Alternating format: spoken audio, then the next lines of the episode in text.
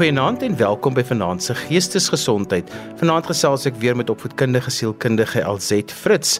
Ons praat vanaand 'n bietjie oor die dinge wat 'n mens met jou saamdra, daai spooke wat kom uit jou kinderdae uit en baie keer doen ouers dit aan jou met die beste bedoelings in die wêreld. Want LZ is nogal belangrik. Ons lewer nie vanaand kritiek teenoor ouers nie. Ons praat oor die dinge wat met die beste bedoelings ter wêreld eintlik aan kinders gedoen word. Goeienaand Johan en die luisteraars. Wanneer ek dink aan ouerskap deesdae dan kom daai beeld van ehm um, jy stap oor 'n landskap en daar's landmyne. Jy is heeltemal reg met die beste van intensies kan ons soms skade aanrig. En ek dink dis waarom ek so baie hou van daai woord wat Dan Siegel gebruik. Ehm um, en dis die die Engelse woord is mindset. Dat jy baie bewus moet wees van ehm um, wat jy doen en wat in jou eie interne wêreld aangaan en terselfdertyd bewus wees van die interne wêreld veral van jou kinders sodat jy dalk vinnig genoeg kan optel um, in jou eie optrede wat is vir jou kind positief en van waarde en wat nie. En as jy dalk onwetend op 'n landmyn getrap het hoe kan jy dit korrigeer dat dit nie op die ou einde um, is 'n sware um energie laat soos wat jou kind ouer word en later dat dalk hierdie ego is in hulle eie binnewêreld wat hulle aftrek in plaas van hulle optrek. Elsit, so as ons nou begin gesels oor wat ouers onbedoeld doen, wat is daardie aspekte wat baie keer dan ter sprake kom? Daar's 'n hele klomp wat ek um vir jou kan noem en dan kan ons dalk so 'n bietjie meer in elkeen ingaan. So eerstens hoe die ouer teenoor daai kind reageer in terme van woorde en ook dade en hoe neem jy jou eie kind se persoonlikheid en hulle eie um, ek wil eintlik al sê sentrale senuweestelsel in ag want jy kry sommige kinders wat baie meer sensitief van geaardheid is as ander. Ehm um, en dan natuurlik ouers se verwagtinge het sy binne in die skool en skoolprestasie op die sportveld, kulturele gebied, ouers se eie optrede, ehm um, hoe ouers self optree deur moeilike omstandighede, wanneer ouers byvoorbeeld self deur 'n proses van verlies gaan. Ehm um, en dan ook natuurlik sosiale media. Wat ouers op sosiale media plaas, nommer 1 van hulle self, die beeld wat hulle oordra en ook wat ouers dan natuurlik doen met kinders se inligting. So daai is al klaar 'n paar um vlakke waar dit wat ouers doen as hulle nie baie bewus is van wat hulle doen en die impak wat dit op daai kind kan hê veral in daai kind se verskillende ontwikkelingsfases dan kan jy op die ou einde onwetend skade berokken aan jou kind. Elset, so kom ons gesels 'n bietjie oor die groot ene en dit is woorde. Ja, so baie keer sal kinders na my toe kom en iewers en ek gaan nou maar 'n voorbeeld gebruik. Ehm um, ouers is oor 'n naweek, hulle kuier saam met vriende. Hulle staan om die braai area en hulle vertel vir hulle vriende wat het hulle kind aangevang hierdie hierdie week. Ehm um, soms is dit met baie goeie intensies, die kind het baie goed gedoen. Maar die kind wil nie noodwendig hê ander moet daarvan weet nie. Soms het hierdie kind 'n fout begaan en daar word oor daai kind gepraat en daai kind voel net maar ek het jou hiermee vertrou. Ek het al kinders gehad wat vir my gesê het. Ek het baie mooi vir my ma of my pa gevra, "Moet dit asseblief nie van iemand anders vertel nie." En dan kom hulle agter maar hulle ouers het. So dit is waar 'n kind byvoorbeeld nou agterkom, jy het inligting oor my met iemand anders gedeel of jy praat oor 'n aspek wat my eintlik raak. Jy weet dit dalk nie. En hier gaan ek nou byvoorbeeld iets so seksuele identiteit. So 'n kind voel dalk nie gemaklik met wie en wat hulle is nie. Hulle sukkel nog met hulle eie identiteit en ek weet dis 'n groot aspek op hierdie stadium. Maar afhangende van hoe daai ouer nou rondom daai of in daai sosiale konteks daaroor praat, kan dit nog 'n impak op daai kind uitoefen. Of enige aspek waar 'n kind dalk voel maar ek skiet hier te kort en nou hoor ek hoe my ouers daaroor praat. En dan natuurlik die woorde wat ouers direk met hulle eie kinders gebruik. So baie keer sal ek hoor, ehm um, selfs met babatjies. Ons is nogal baie geneig om dit te sê. Hierdie is so 'n soet babatjie want hierdie babatjie huil glad nie. Dan dink ek baie keer, maar wat het huil nou met soet te maak? Jou babatjie hou want jou babatjie kan nie op 'n ander manier kommunikeer nie. Jy is nou al klaar besig om hierdie etiket te gee. Of hierdie is so skaamkind. Wanneer jy nou 'n kind het wat nog voorskool is, bietjie meer inkennig is, um onseker voel in 'n nuwe situasie en nou kry daai kind 'n etiket. Dit is my skaam enetjie. Of die ander een wat ek baie keer hoor veral met seuns. En dan se kleintjies wat seer gekry het en dan kry hulle daai boodskap moet nou nie so sissie wees nie of net dogtertjies huil of net babas huil of jy moenie so bangbroek wees nie. So al daai etikette vorm op die ou einde jou selfbeeld. Dit lê 'n bousteen in jou fondasie van wie jy as mens is en hoe jy na jouself kyk. En dan natuurlik ook die woorde wat ouers baie keer vir hulle self gebruik. So 'n ouer wat baie krities is teenoor hulle self en 'n fout begaan en hoe hulle teenoor hulle self praat en soms natuurlik spoel dit oor na die kind toe, dan kry daai kind dit op twee vlakke. Aan die een kant boodskap wat die kind ontvang rakende hulle self en hulle eie emosies en kan ek my my emosies en my foute eien en dan ook nog die rolmodellering en dit op die ou einde word daai ego wat jy saam met jou dra reg deur jou lewe. Wat die eerste ding wat jy doen as jy in die spieël kyk, dan hoor jy daai boodskap van tekortkoming of wanneer jy 'n fout begaan of wanneer jy intense emosies ervaar en byvoorbeeld trane. Dis nog hulle vir my 'n goeie voorbeeld. Baie keer mans en vrouens wat ek agterkom dat ongemaklik is met hulle eie emosies en die rol van trane daarin, want iewers het hulle by iemand daai boodskap ontvang. Dis 'n teken van swakheid. So sluk dit en wees taaf. En ek dink dis die goed waar ons baie versigtig moet wees. Hoe beskryf ons ons kinders? Hoe beskryf ons veral as daar meer as een kind in die gesin is, want die ander kinders hoor dit. En hoe jy die die een kind hanteer, die volgende kind sien dit en aan die hand daarvan begin hulle weer hulle gedrag verander en dis hoekom ek sê ouerskap is 'n is om deur 'n landmyn te stap, 'n um, wêreld vol landmyne want jy moet die heeltyd bewus wees wat is die moontlike impak wat jy uitoefen op jou kinders in terme van jou woorde, jou dade teenoor hulle, teenoor jouself en ook in konteks met ander waar jy oor jou kind praat. Ja, sê dit baie keer is dit net 'n klein nuance ding wat 'n groot impak het En dit is nogal belangrik dat ouers ook dan nou die regte kennis moet gaan naslaan oor as jy byvoorbeeld sê my ADHD kind versus my kind met ADHD want die eerste een as jy sê my ADHD kind dan eh, definieer jy die kind in terme van sy ADHD maar as jy sê my kind met ADHD dan beteken dit dit is maar net een aspek daarvan dieselfde met outisme kind versus my kind met outisme Ja, daai is baie belangrik. Ons is baie keer geneig om daai etiket te plaas soos die voorbeelde wat jy nou gegee het, onmiddellik is dit al wat wat jy sien in daai persoon is daai byvoeglike naamwoord. In plaas van om te besef dis net 'n faset van my kind. My kind het moontlik baie ander talente, daar's baie ander eienskappe. So ons moet baie versigtig wees dat ons nie 'n etiket om iemand se nek hang nie. Ons is tot soveel meer in staat en, en dis 'n heeltemal 'n praatjie op sy eie dat jy op die ou einde gaan besef daar's sekere fasette van jou kind en van daai fasette kry soms baie keer baie aandag want veral wanneer dit by skoolprestasie kom en ons wil graag hê ons kinders moet sukses behaal. So nou sukkel jou kind dalk met lees. Nou sit jy ongelooflik baie energie en jy spandeer baie geld om daai een eienskap aan te spreek en dit word later die som totaal van jou kind. En dan kyk jy al daai ander wonderlike eienskappe mis. En dis die jammerte want daai etiket gaan saam met daai kind soos wat daai kind ouer word. En op die einde word dit hulle eie interne dialoog. Hulle reduseer hulle self tot dit waarmee hulle dalk nie so goed is nie. Elset ons moet praat as dit by woorde kom oor kritiek. Daar's so baie mense wat as volwassenes loop nog steeds met die wonde van kritiek in hulle kinderdae. Baie keer was hulle net nie goed genoeg nie.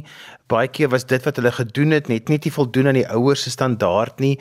Maar baie keer was dit ook net ek wou graag help in die kombuis, maar my ma vat die goed uit my hande uit of dit wat my ma vir my gesê het en en jy loop as volwassene nog steeds met daai spooke wat jou jaag. Ja, dit herinner my nogal aan die storie van die drie beertjies Ek hou baie keer daarvan om na die fabels terug te gaan want wat het ons by die drie beertjies geleer? Goue lokkies en die drie beertjies. Pas op vir 'n te. As die pap te warm is of te koud is, dan gaan dit nie gemaklik wees nie. So my angstige ouer, baie keer is daar 'n te daaraan gekoppel want daai angstige ouer het 'n sentrale senuweestelsel wat vinnig geaktiveer word en klein dingetjies veroorsaak groot golwe. So daai kind wat byvoorbeeld vir die ouer wou gehelp het, maar in die proses het het die melkhouer geval. En die melk val die hele vloer vol en daai ouer maak 'n verskriklike groot bohaai daaroor. En van daar af neem die ouer al hoe meer oor want hierdie kind is lomp. Hierdie kind kan sekere goed nie doen nie. Hierdie kind is 'n ongeluksvoël. So aan die een kant word dit daai kind se etiket, aan die ander kant ontneem ons daai kind die geleentheid om te besef maar alles is 'n leerproses en ons leer baie keer ons beste ervarings en lesse aan die hand van die foute wat ons begaan. So jou ouers moet op die ou einde vir jou daai gevoel en vryheid gee van ek gee vir jou die ruimte om iets te probeer en om moontlike foute begaan en ek het genoeg spasie om daai fout te hanteer en jou emosies wat daarmee gepaard gaan. Veral as jy dalk ook 'n sensitiewe sielietjie is met 'n sens sensitiewe sentrale senuweestelsel. So nie die blote feit hoe daai ouer kan optree, kan al klaar vir daai kind daai boodskap gee, "Sjoe, hier het ek nou verskriklik aangejaag." Want die ouer het dalk groot geskrik, die ouer het in daai proses iets gesê wat hulle nie noodwendig bedoel het nie. Um moet jy altyd mors? Jy luister nooit. Um enige van daai boodskappe en in daai proses veral vir my sensitiewe kind, so ek kan dit nou nie oorbeklem toon nie. Onthou dit gaan hier baie spesifiek oor verskillende kinders het verskillende reaksies op dit wat in die omgewing met hulle gebeur en die boodskappe, want jy werk met 'n unieke um sentrale senuweestelsel. So wat vir een kind um gaan werk en 'n impak gaan laat negatief op hulle, gaan nie noodwendig dieselfde impak op 'n ander een hê nie. So hoe daai ouer gaan reageer in daai krisissituasie wat vir hulle dalk 'n krisis kan wees en dan die gepaardgaande woorde wat hulle daarmee gebruik en die gepaardgaande moontlik oorbeskerming.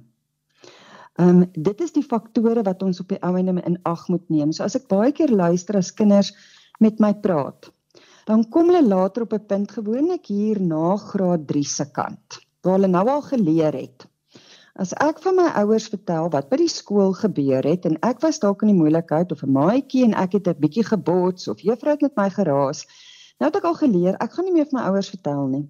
Want hulle kom onmiddellik skool toe. So ek weet hulle is baie lief vir my, maar nou gaan hulle 'n groot storie maak met die juffrou of met die skoolhoof. Ek gaan dalk ingeroep word, my maatjies gaan aangevat word. Hulle weet nou al hoe hierdie patroon loop. Dan gebeur 'n paar goed. Hulle besluit later hulle gaan nie meer vir hulle ouers vertel nie. Want hulle kan nie hulle ouers se ooreaksie hanteer nie. Hulle kan ook nie die woorde wat daarmee gepaard gaan hanteer nie en die sosiale impak. So dan dra hulle daai swaar en dit wat by die skool gebeur het vir hulle self. Hulle vertrou nie meer hulle ouers om eintlik kapasiteit te hê om hulle eie ehm um, foute of sosiale konflik of probleme te hanteer nie. En daai kind het die boodskap ook gekry, ek vertrou jou nie genoeg dat jy dit sal kan hanteer. Um met my ondersteuning vanaf die huis opset. So dis weer eens daai fyn balans. Wanneer klim 'n ouer in om te help en iets aan te spreek? En wanneer besef jy goed, ek gaan dalk net ondersteuning gee vanaf die huis se kant en ons gaan eers bietjie ruimte gee en ek gaan kyk of ek jou dalk 'n bietjie kan bemagtig sodat jy hierdie probleem op jouself op jou eie um self kan aanspreek. En weer eens, dan moet jy jou kind ken en jy moet jouself ken met die wete jou kind hou baie keer 'n spieël op in terme van jouself en die ander ouer wat genetika aanbetref. So dit is deurlopend om daai weer eens Dan Siegels woord mindset te gebruik. Wat's die impak wat iets op jou het? Wat tel jy in jouself op met hierdie situasie En wat is dit wat jy optel by jou kind in terme van hulle nie-verbale en hulle verbale gedrag? Elsit, wat is die impak wat dit het op iemand se lewe as jy 'n ouer het wat super perfeksionisties is of was en ook baie krities en jy het heeltyd aan die ontvangkant gestaan van kritiek? Daar's 'n paar goed wat kan gebeur. dit hang weer eens van daai kind af. So jy kan van jou kinders kry wat die ekstra myl gaan loop. Hulle gaan ekstra insette lewer want hulle wil so graag hulle ouers tevrede stel dat die risiko is hulle word toppresteerders met hoë angs en kan later die risiko loop om uit te brand, maar hulle gaan vir niemand sê nie. So dit is my kinders wat ek weet daar's rooi ligte daar, maar mense gaan dit nie optel nie. En dis baie keer daai kinders as hulle dan tot ekstreme gedrag oorgaan.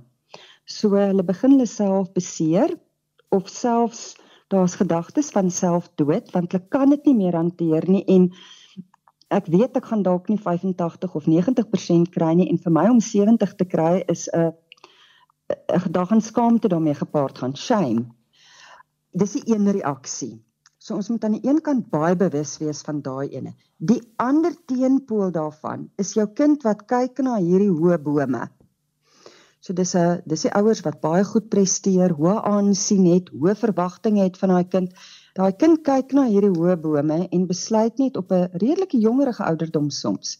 Ek gaan nie kan kompeteer nie. So ek gaan nie eers probeer nie. Ek gaan terug staan.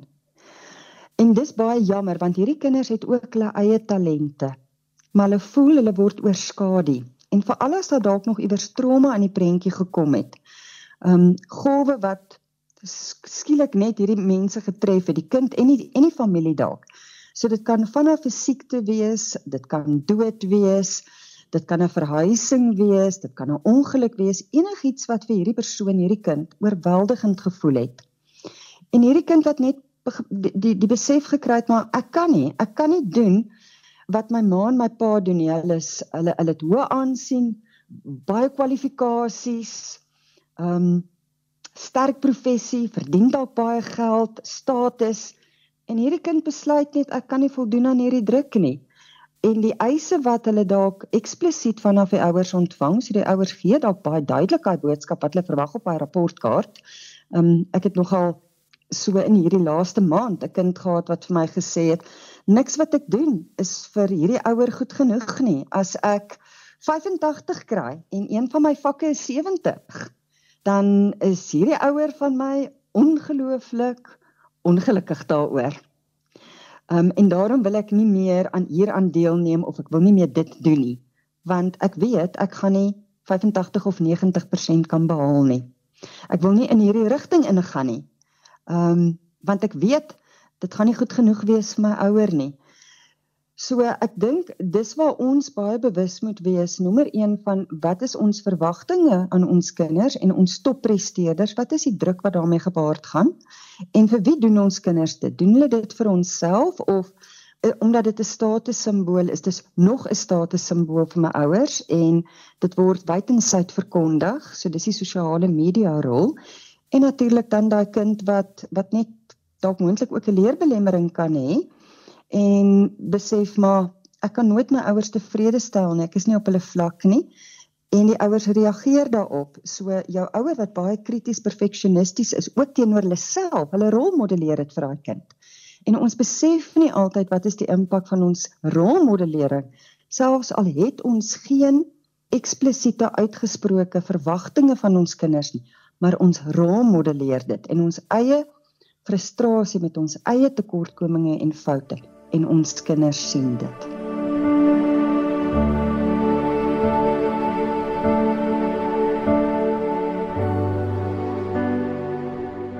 As jy sopas ingeskakel het, jy luister na Geestesgesondheid saam met my Johan van Lille. My gas vanaand is LZ Fritz, opvoedkundige sielkundige. Ons gesels vanaand oor die dinge wat ouers baie keer soms bedoeld, soms onbedoeld doen wat letterlik vir jou deur jou lewe kan volg soos spooke en later in jou lewe dan vir jou nogal klomp emosionele probleme teweeg kan bring en ook 'n impak kan hê op jou geestesgesondheid. LZ, kom ons praat 'n bietjie oor die dade gedeelte. Ons het nou woorde hanteer, kom ons praat oor dade. Dis my altyd fascinerend as ek in 'n winkelsentrum gaan en ek kyk na die kleintjies, die voorskoolkleintjies wat in die stootwaandjies is. En nou weet ons hoe lyk die winkelsentrum met al die lekker goed in die speelgoed en dis dis helder ligte en dis lawaai en die kinders is moeg en hierdie kind wil graag iets hê en die kind begin kermerig raak. En ek luister dan wat sê ouers en hoe hulle dit sê en wat doen hulle dan? So dan kry jy baie keer daai ouer wat self in hulle eie rooi sone ingaan, hulle is oorgeaktiveer, hulle is moeg, hierdie kind is kermrig.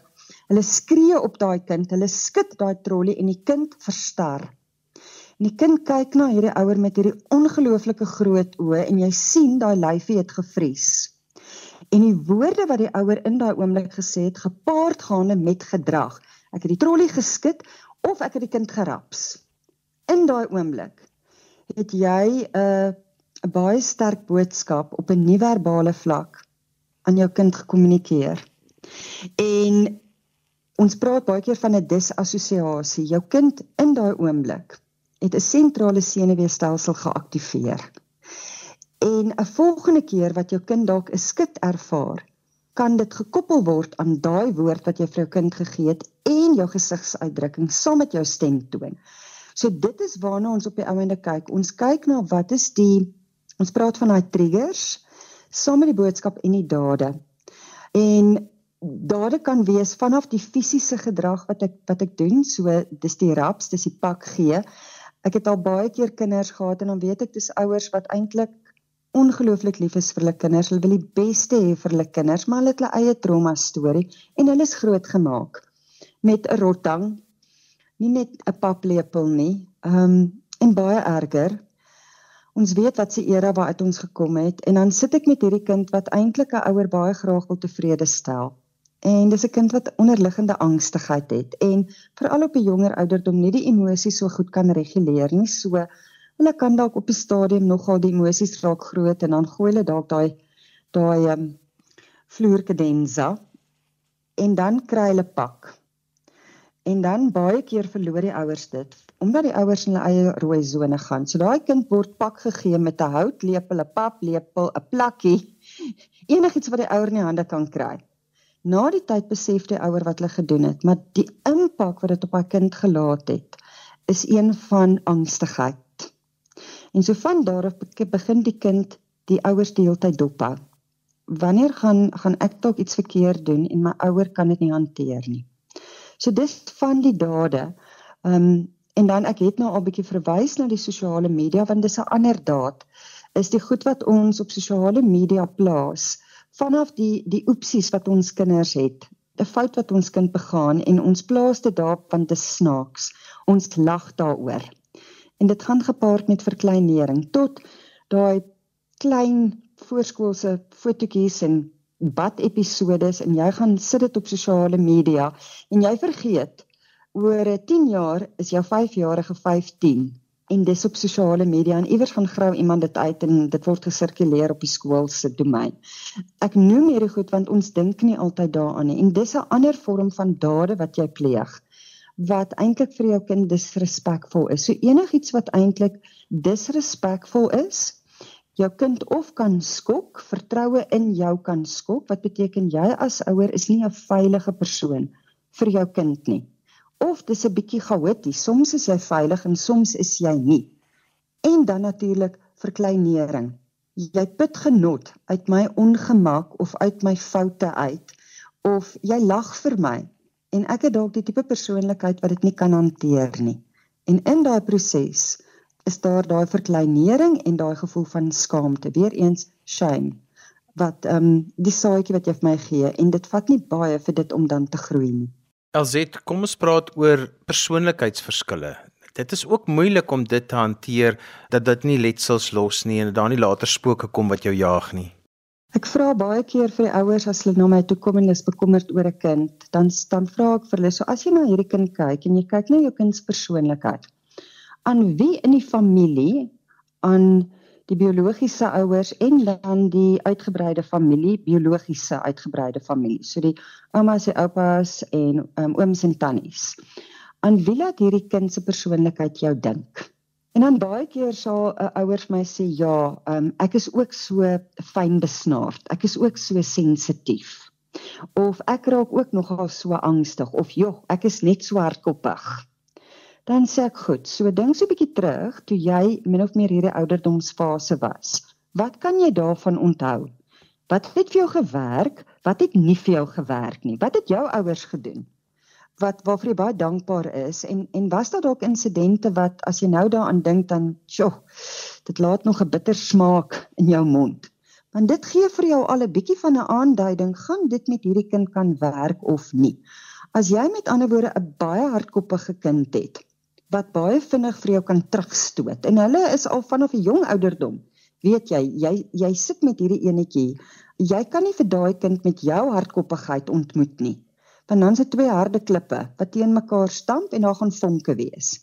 Dan sit jy met jou ander kind wat ongelooflik empaties is, ongelooflik baie deernis het met mense en met diere, so hulle is fyngevoelig. Hulle sentrale senuweestelsel voel dinge intens. Vir so 'n kind het jy nie pak gee nodig nie. Daai kind wil al klaar die hele wêreld red en tevrede stel. So om vir daai kind net 'n kwaai kyk te gee en jou stemtoon net so bietjie te verhef, is vir daai kind meer as genoeg. Jy hoef nie nog hulle te hok en televisie te ontneem en pak te gee nie. Dis straf op straf op straf. Dit is onnodig. So weer eens, jy moet baie mooi gaan kyk na jou kind en dit maak dit moeilik wanneer jy meer as een kind in jou gesin het want afhangende van hoe daai genetika in die lug opgegaan het en afgekom het en in 'n pakkie uitgekom het, sit jy met verskillende genetiese kombinasies. En as jy weet waarmee jy sit, jy kan daarmee identifiseer, ook in die uitgebreide familie. En jy monitor jou kind en jy kyk na jou kind se gedrag, dan het jy al 'n klare idee wat gaan met hierdie kind werk en wat gaan nie werk nie. En daarom is dit baie keer vir uitgebreide familie wat so met goeie intensies advies wil gee van wat ouers met hulle kinders moet doen. Die uitgebreide familie weet dalk nie presies wat is die pakkies wat waarmee jy sit in jou gesin nie. En nou ons moet maar daai advies um, met 'n knippie sout soms vat. LZ, as ek as ouer deur 'n moeilike tyd gaan, almal vir ons hanteer dit verskillend. Almal van ons het verskillende oorlewingsmeganismes. Party van hulle is ook laste. Dit het gewerk miskien vroeër in ons lewe, later het dit 'n las geraak. Maar aan die einde van die dag eh, beleef my kind dan ook dit waardeur ek gaan en dis nie altyd so positief nie want my angstigheid, dit wat ek deurgaan, is ek so besig mee om dit self daardeur te gaan dat ek nie altyd weet hoe om dit met my kind te hanteer nie. Dit wat ongelooflik baie durf, waagmoed selfvertroue om te moet erken ek gaan deur 'n moeilike tyd en ek het hulp nodig sodat ek nie onwetend my pakkie vir my kind gee nie. Ehm uh, meeste van die kere sal vrouens by ons deurkom aanklop en vir ons sê ek gaan deur 'n moeilike tyd en ek besef ek is nou 'n risiko vir my kinders. As gevolg van ons samelewing is dit soms baie moeilik vir die mans om by daai punte kan kom om te sê ek kry swaar, ek het hulp nodig. Hulle sal gewoonlik eerder ander goed doen. Ehm um, ander hanteringsstrategieë nader trek wat nie altyd so voordelig is nie. Ek het baie respek vir 'n volwassene met 'n kind wat besef hulle gaan deur groot golwe en hulle is bang daai golwe word op die ou einde hulle kind se golwe. En dit gaan dit word meestal ons kinders se golwe want hulle tel ons energie op nog voordat hulle na ons woorde luister tel hulle ons energie op net soos wat ons honde en ons katte dit optel. So die die, die eerste ding wat ek altyd vir ouers sê is ek het baie respek vir jou en ek besef hoe moeilik dit is om te kom aanklop en te sê jy gaan deur 'n moeilike ding en jy doen dit eerstens vir jouself sodat jy op die ouene die masker op jou kind se gesig kan sit as ons nou dink aan 'n vliegtyg waar jy sit eers die masker op jou eie gesig, die suurstofmasker en dan op jou kind. Want baie keer sal ouers die die fokus plaas op die kind. Ek gaan deur 'n moeilike tyd. Sorg jy net vir my kind. Maar eintlik het die ouer hulp nodig want dan gaan ons die golwe baie vinniger kan kleiner kry. En die die kind gaan gaan hieruit kan leer en hulle gaan vertroue weer kan hê in hulle ouer. Ehm um, ek het nou die geval gehad van 'n ouer wat 'n miskraam gehad het en sy kon nie verstaan hoekom sy kind skielik so so aggressief nie. Maar die kind het deur 'n 'n mediese toestand gegaan en die mamma deur haar eie verlies gegaan. En dit het by hierdie kind 'n aggressie tot gevolg gehad. Dit was hoe die kind sy eie emosies verwerk het. Elset, jy het nou al 'n paar keer verwys na sosiale media, Maar dit is tog belangrik dat ons ook 'n bietjie daar sal stil staan by jou eie, jy as volwassene se sosiale media, maar dan ook wat jy plaas van jou kind. Ja, so aan die een kant, wat is die beeld wat jy van jouself daar sit? Want die kinders op 'n jong ouderdom gaan kyk wat is op mamma hulle se profiel en ander maatjies kyk dalk ook daarna en as hulle nie nou daarna kyk nie, kyk hulle dalk later daarna.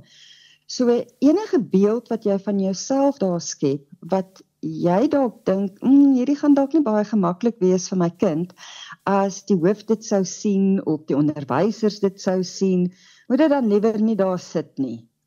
Want jy is op die einde verlengstuk van jou kind en jou kind is 'n verlengstuk van jou tot 'n mate. En dan natuurlik dit wat jy van jou kind daar plaas. So aan die een kant al die spogfoto's, dis wonderlik, ons wil graag met ons kinders spog. Maar as jy dalk meer as een kind het en die ander kind doen dalk nie so goed nie, moet jy vir jouself net baie mooi afvra wat wat gaan my ander kind hier hier, hier uitmaak as ek die heeltyd net sissie se trofees vir die hele wêreld vertoon en almal kommentaar lewer daarop, maar in die agterkant in die skaduwee is daar 'n boetie wat dalk nou akademies nie so goed uitblink nie of omgekeerd. Ehm um, so dis 'n een ding. En dan natuurlik ek nou gepraat van die, die foto's van as jou kind baie jonk is en jy sit die strandfoto's daar, maar oor 'n paar jaar gaan jou kind dalk nie baie hou van daai foto's wat jy daar gesit het of jou kind wat nou toiletmaniere leer. En jou kind was nou vir die eerste keer selfstandig op die toilet.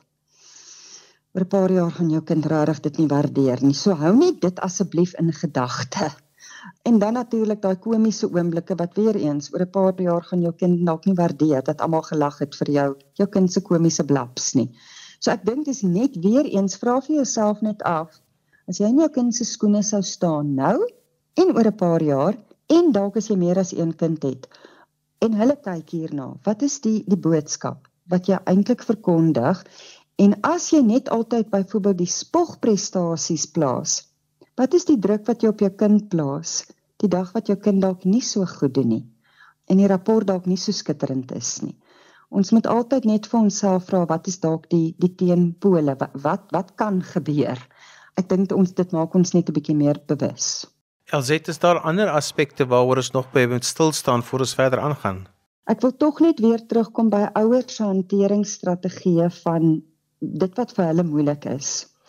So ek het al kinders gehad wat op 'n baie jong ouderdom dan dan weet ek daar was dalk dood in die familie. 'n Ouer is dood en die ander ouer kry baie swaar. En die ander ouer begin later dalk byvoorbeeld iets soos alkohol gebruik om te ontsnap of riskante sosiale gedrag. En hierdie kind is dalk ek vat nou maar 'n voorbeeld. Hierdie kind is dalk 9 jaar oud en daar's dalk nog jonger kinders. En in daai oomblik word daai kind 'n volwassene Daai kind moet dan omsien na daai ouer wat onkapabel is as gevolg van dalk te veel alkohol en daai kind moet die jonger kinders versorg. Die skade wat dit doen is lanktermyn. En terwyl ek baie deernis het vir 'n ouer wat deur 'n moeilike situasie gaan, my deernis lê by daai kind wat kinderontwikkelingsfase nou verloor en leer miskien baie gepaste hanteringsstrategieë, maar oor die lang termyn doen dit ongelooflik skade. Elsie, kom ons praat nou 'n bietjie verder en ons gesels oor as volwassene. As dit my belewing was en as dit waartoe ek is, hoe hanteer ek dit as 'n volwassene as ek nog steeds hierdie spooke mee rondloop? Dis baie belangrik wanneer jy agtergekom het jy jy dra swaar aan goed wat in die verlede gebeur het of um, om een of ander rede is jou huidige funksionering nie optimaal nie. So ek het baie keer ouers wat na my toe kom en dan sluk agterkom maar hulle gaan baie vinnig uit hulle ons praat van jou venster van toleransie of jou rivier van vloei. Met ander woorde jy gaan uit jou eie gemaksone uit en jy word baie vinnig geaktiveer. So ons praat van jy gaan in jou rooi sone in en jou kinders betaal 'n prys daarvoor. So op die algemeen is jy baie liefdevol, gemoedelik, jy's daar vir jou kinders, maar skielik word jy geaktiveer, jy word getrigger.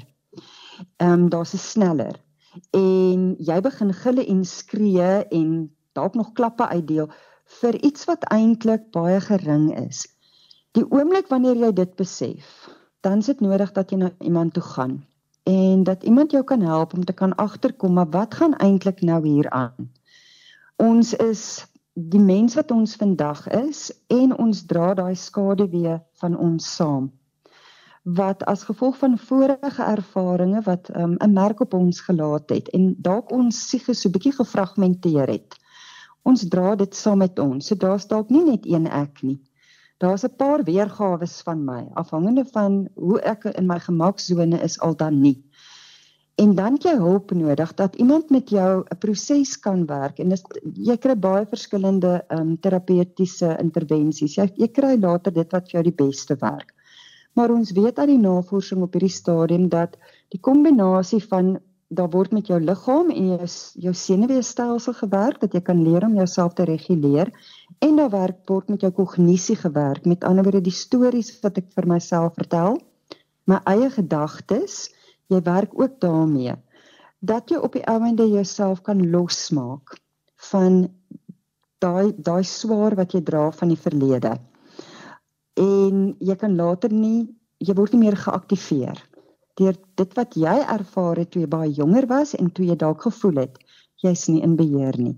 En jy kan dalk later terugkyk op jou ouers veral met 'n sagter blik in plaas van 'n veroordelende een en op daai manier kan verhoudinge ook herstel word Alsit ek wil afsluit. So kom ons som op wat sê ons vanaand vir ouers en dan vir groot mense wat loop met dit wat ouers met die beste wil ter wêreld moontlik aan hulle gedoen het. As volwassene, wees bewus en eien jou eie spooke, jou eie skaduwee en wees attent dat jy dit nie met goeie intensie op die ou einde oordra aan jou kinders. En sou dit wel die geval wees, dan is daar mense wat jou kan help met jou eie ervaring, jou ook kan help ten opsigte van jou kinders sodat ons daai siklus kan breek. As dit as mense met jou verder wil gesels, hoe kan hulle met jou kontak maak? My e-posadres is my naam E L Z E T T E gevolg deur my van F R I T Z syfertjie 1@gmail.com. En so gesels Elzet Fritz en opvoedkundige sielkundige en ons het vanaand gesels oor die dinge wat 'n mens aan kinders doen met die beste wil ter wêreld wat dan die res van jou lewe saam met jou is. En daarmee ons gekom aan die einde van vanaand se geestesgesondheid. Onthou jy kan weer na vanaand se program luister as 'n potgooi en laai dit af by resgep.co.za. Skryf gerus vir my 'n e e-pos by Johan van Lille@gmail.com en onthou daai Johan het net een N. En daarmee groet ek dan vir vanaand. Kyk mooi na jouself. Tot volgende keer van my Johan van Lille. Totsiens. thank you